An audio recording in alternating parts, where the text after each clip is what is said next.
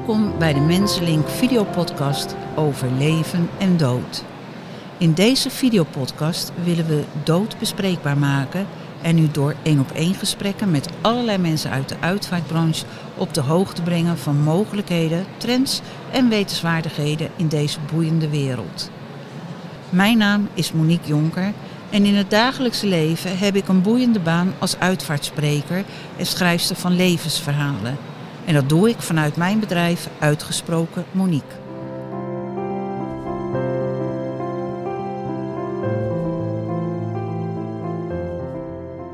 En daar zijn we weer met een nieuwe podcast, met een nieuwe gast. Uh, hoi, ik hoop dat we een mooi gesprek hebben. Wil je jezelf even voorstellen? Nou, dat wil ik zeker. Bedankt voor de uitnodiging.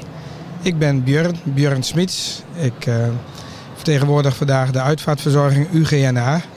Waar staat UGNA voor? Uitvaartverzorging Grafkistenfabriek Nieuw Amsterdam. Het hoofdkantoor in, uh, in Koevoorden. Maar we werken eigenlijk door heel Drenthe heen. Een stukje van Kop van Overijssel en een gedeelte van Groningen.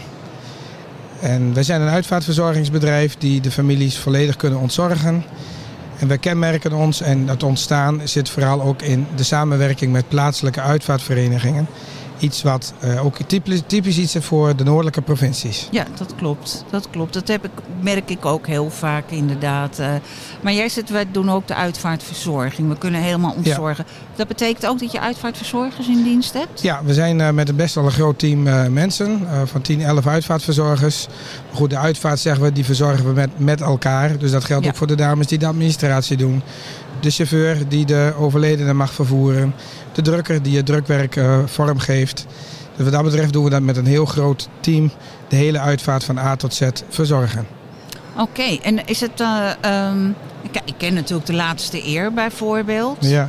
Uh, en Momento heb je ja, ook nog. Ja, Memento Mori. Memento Mori, inderdaad. Ja, ja. Nou, misschien mooi vertellen, zegt de laatste eer. Want uh, als mensen ons bellen dat iemand is overleden, vragen we ook altijd van...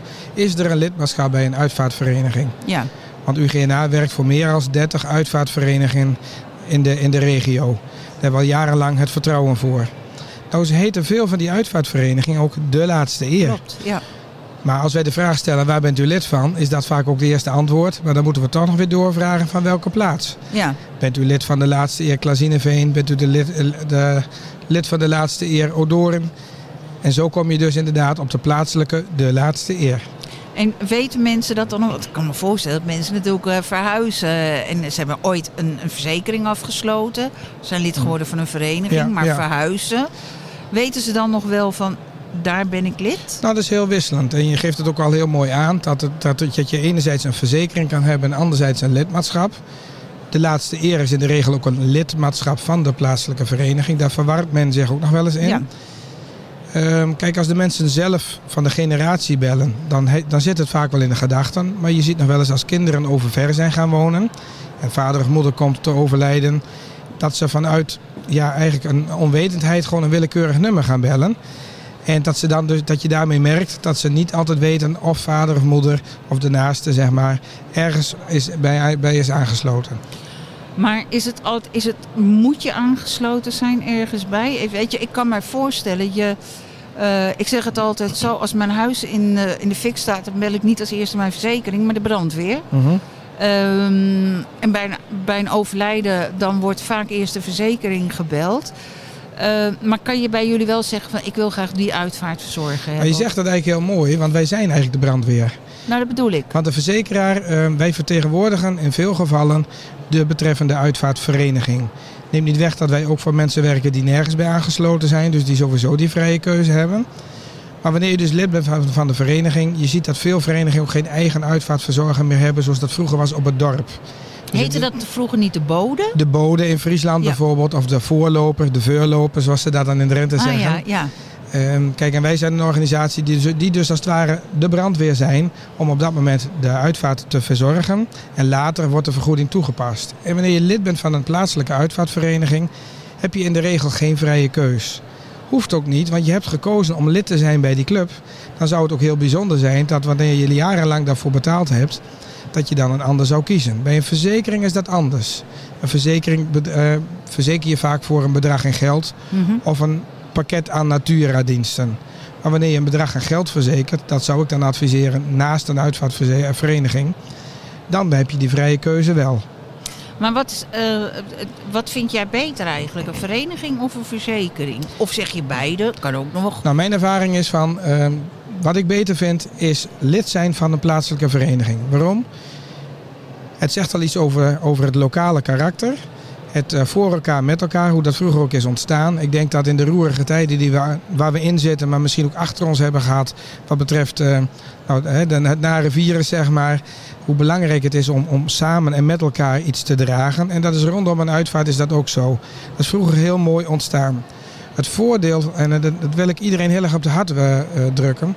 Als je lid wordt van een vereniging, zijn er vaak ook heel goed afgesproken tarieven met de ondernemer waar de uitvaart voor, eh, mee verzorgd wordt.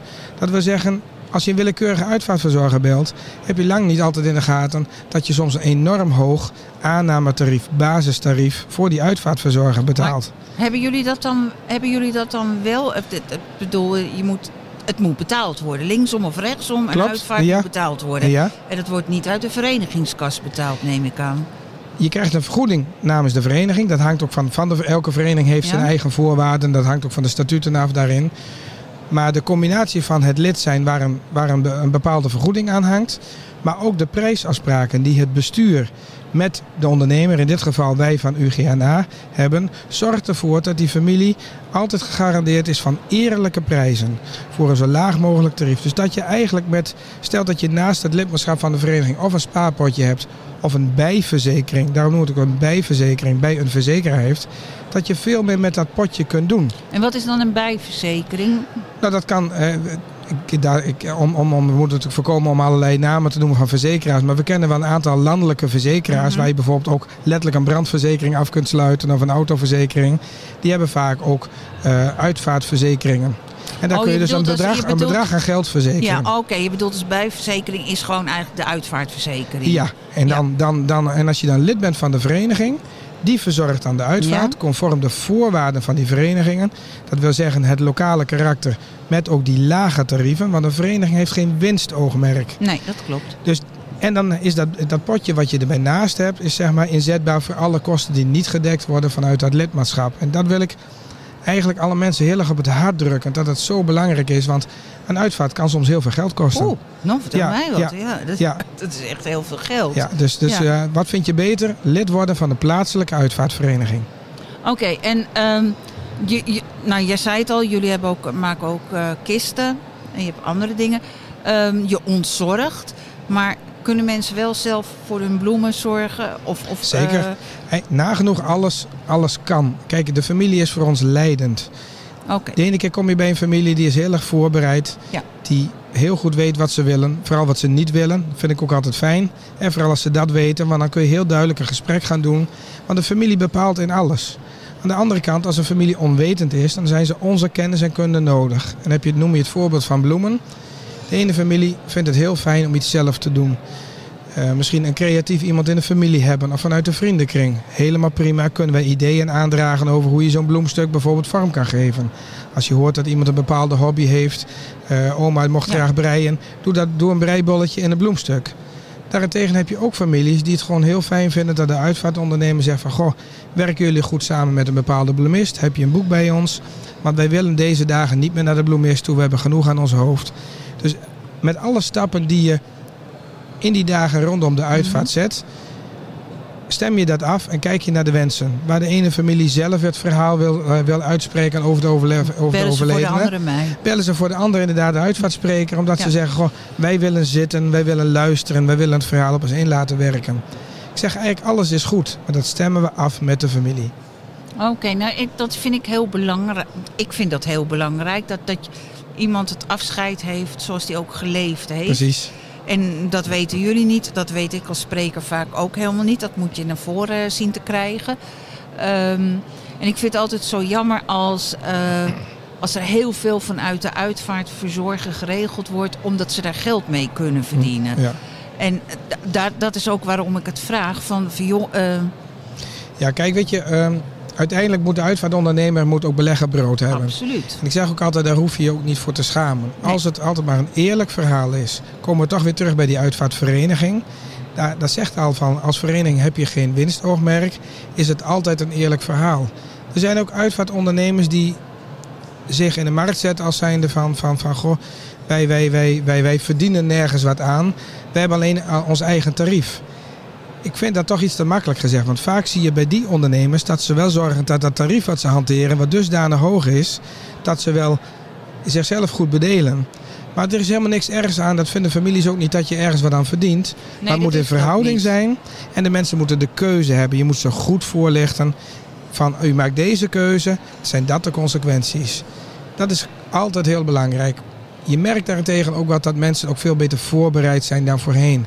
Internet, een beurs als vandaag. Het, het, het is veel opener. En, dat, dat vind ik wel heel leuk dat je dat zegt. Beter voor, uh, voorbereid zijn. Geldt dat ook voor de oudere garde? En, en de jongeren, want de jonge, de jongere mensen denken, en gelukkig maar, wij zijn onsterfelijk. Er komt, er komt op een gegeven moment een ommekeer, maar dan denken ze er niet over na.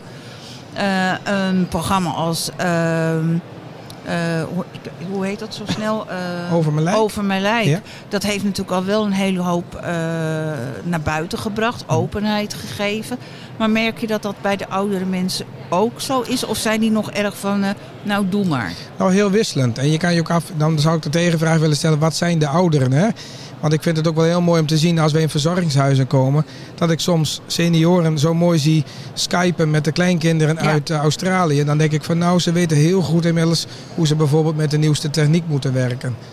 Wat je wel met regelmaat nog ziet is dat het bespreekbaar maken van alles rondom de dood lastig is. Dat heeft ook wel eens met die generatiekloof te maken. Um, dat ouders soms de kinderen ook gewoon niet willen belasten. En anderzijds dat, dat soms ook die mensen van, van, die, van die wat latere generatie ook denken van... we hebben alles wel geregeld. En dat als het zover is, dat blijkt op financieel vlak dat er toch nog wat tegenvalt. En dat is dan weer een teleurstelling bij de kinderen. Maar bespreekbaar, het wordt wel meer bespreekbaar. Nou, jij zegt bijvoorbeeld van ze denken alles goed geregeld te hebben, eh, maar er blijkt dus achteraf een aantal dingen niet goed geregeld zijn. Uh, uh, ja, nou ja, bedoel, als jij jaren geleden al bedacht hebt van ik heb zoveel geld nodig voor mijn uitvaart. Hè, ik zet dat opzij. Mijn moeder is ook zo. Kind, maak je niet druk. Er staat wel geld op de rekening, daar kan je het wel van betalen. Maar als ik dan vertel, nou mam, het kan wel. Uh, het kan duizend of het is duizenden euro's, dan zie je ze schrikken. Ja, precies, precies. Ja, dat, dat kan ook te maken hebben dat ze vroeger een keer een, een dienstenpakket of ergens hebben afgesloten, daartoe gezegd van alles zit erbij in. Ja. Maar je merkt dat de wensen ook anders worden. En als er bijvoorbeeld een standaard kist in zit, maar de wens is bijvoorbeeld een, een massief eikenkist of een, uh, een kist met, met wat we hier bijvoorbeeld vandaag ook wel zien van een bijzondere houtsoort. Dan is dat toch een kwestie van bijbetalen. En is het niet een plakje cake, maar het is toch een uitgebreide lunch, zeg maar. En dan, dan wordt dat een heel ander verhaal. En dan heeft men altijd gedacht, het is voor elkaar. Dat was het ook wel. Maar de wensen zijn veranderd. Ja, dat, dat, dat klopt wel. Maar ik, ik denk ook dat dat. Uh, het, we zien het nu met de energieprijzen die omhoog gaan. En hoe stom het ook is. Uh, ook de oven in een crematorium klopt, moet branden. Klopt, ja. Kost meer geld. Wat doen jullie daarmee trouwens? Ja, dat is een kwestie van, je moet dat doorberekenen. Dit jaar hebben we een, eh, aantal, een tijdje terug hebben van een aantal crematoria al tussentijds prijsverhogingen gehad. Mm ja, die moet je doorvoeren. En dat zie je dan enerzijds bij het crematietarief. Je, je noemt dat al terecht. Maar de catering aan zich, de grondstoffen voor, voor broodjes, we zien dat ook met, met graan en allerlei andere grondstoffen, worden ook hoger. De personeelskosten worden hoger. Dus dit is wat dat betreft ook wel een uitzonderlijk jaar. Waar je normaal altijd, dat geef ik de mensen ook mee, als u wat geld weglegt, moet u rekenen zeg maar, met een, met een nou, inflatie van 2, 3 procent per jaar. Als u dat per jaar erbij rekent, elk jaar, dan weet u een beetje wat u op de rekening moet houden aan spaargeld.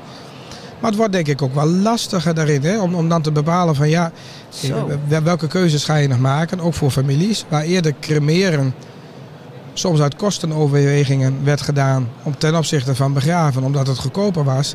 En je kan je nu soms nog wel eens afvragen of dat cremeren nog steeds goedkoper is dan begraven. Dus dat zijn, dat zijn ook wel veranderingen. Um, dus ik wil mensen daar gewoon heel erg op, op wijzen. Dus bekijk ook van hoe heb ik het voor elkaar? Ben ik verzekerd?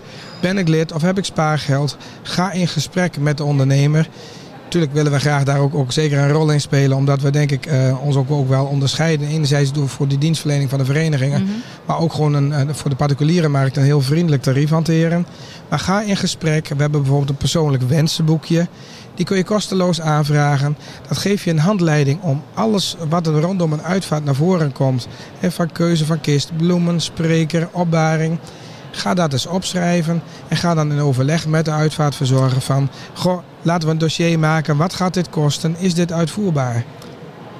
Dat brengt mij op de volgende vraag die ik ook regelmatig hoor. Hoe hoort het eigenlijk? Mijn antwoord is, het hoort zoals u het wil. Ik sluit me daar volledig bij aan. Dat zeggen jullie ook. Als ik doorvraag, dan, zei, dan, dan, dan zeg, is dat ook de vraag die u stelt? Of bij ons in Drenthe zeggen ze vaak, wat is gebruikelijk? Oh ja, ja. Wat ja. is gebruikelijk? Ja, ja. Kijk, sommige mensen geeft het houvast om, om mee te doen aan datgene wat in die regio te doen gebruikelijk Ja. is. Hoeft Ja. ook niet verkeerd te zijn.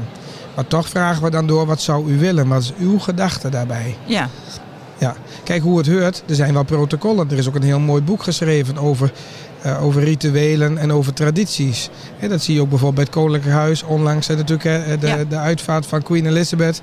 Ja, daar zie je natuurlijk heel veel protocolair en ceremonieel. Heel indrukwekkend. Dat geeft ook houvast soms, hè? rituelen. dat is absoluut waar. Dat, dat, dat merk je zelf ook inderdaad. Alleen hoe hoort het eigenlijk? Dat vind ik altijd zo. Ja, jullie nemen afscheid. Dus jullie moeten het op Ja, jullie manier ja. niet doen. Of juist wel doen. En niet op de manier zoals een ander zegt, zo moet je het doen. Jij moet verder met je leven. En dat moet je op een goede manier kunnen doen. Dat is heel belangrijk. En dat is ook, denk ik, de taak van de uitvaartverzorger. Gewoon goed luisteren eerst. Wij komen natuurlijk als een wildvreemde binnen in een situatie. Kijk, de ene keer is de emotie wat meer aanwezig dan de andere keer. Want de, de, de omstandigheden van het overlijden bepalen vaak ook de sfeer van het afscheid. Klopt. Eh, maar door goed te luisteren wat er gezegd wordt, maar soms ook wat er niet gezegd wordt. Juist dat. Kijk, ja. en dat is ook belangrijk. En dan je kennis en kunde als uitvaartverzorger. Je bent denk ik veel meer een organisator en inspirator. En waar vroeger, misschien dat je dat ook af en toe wel eens bedoelt, kwam de dominee en de bode of de voorloper en die zeiden wel hoe het moest, Ja. hoe het hoorde. Ja. Ja. En nu is het elke keer weer afstemmen bij wat voor familie ben ik hier en wat is hier en nu nodig. Hey, hartstikke bedankt voor dit gesprek. Ik vond het eh, heel interessant. Ja, En eh, ik hoop je nog eens een keer te spreken. Eh, bedankt voor de uitnodiging. Ja, nou jij heel Mooi bedankt voor het gesprek. kopen. Vind ik ook, vind ik absoluut. Dank je wel. Graag gedaan.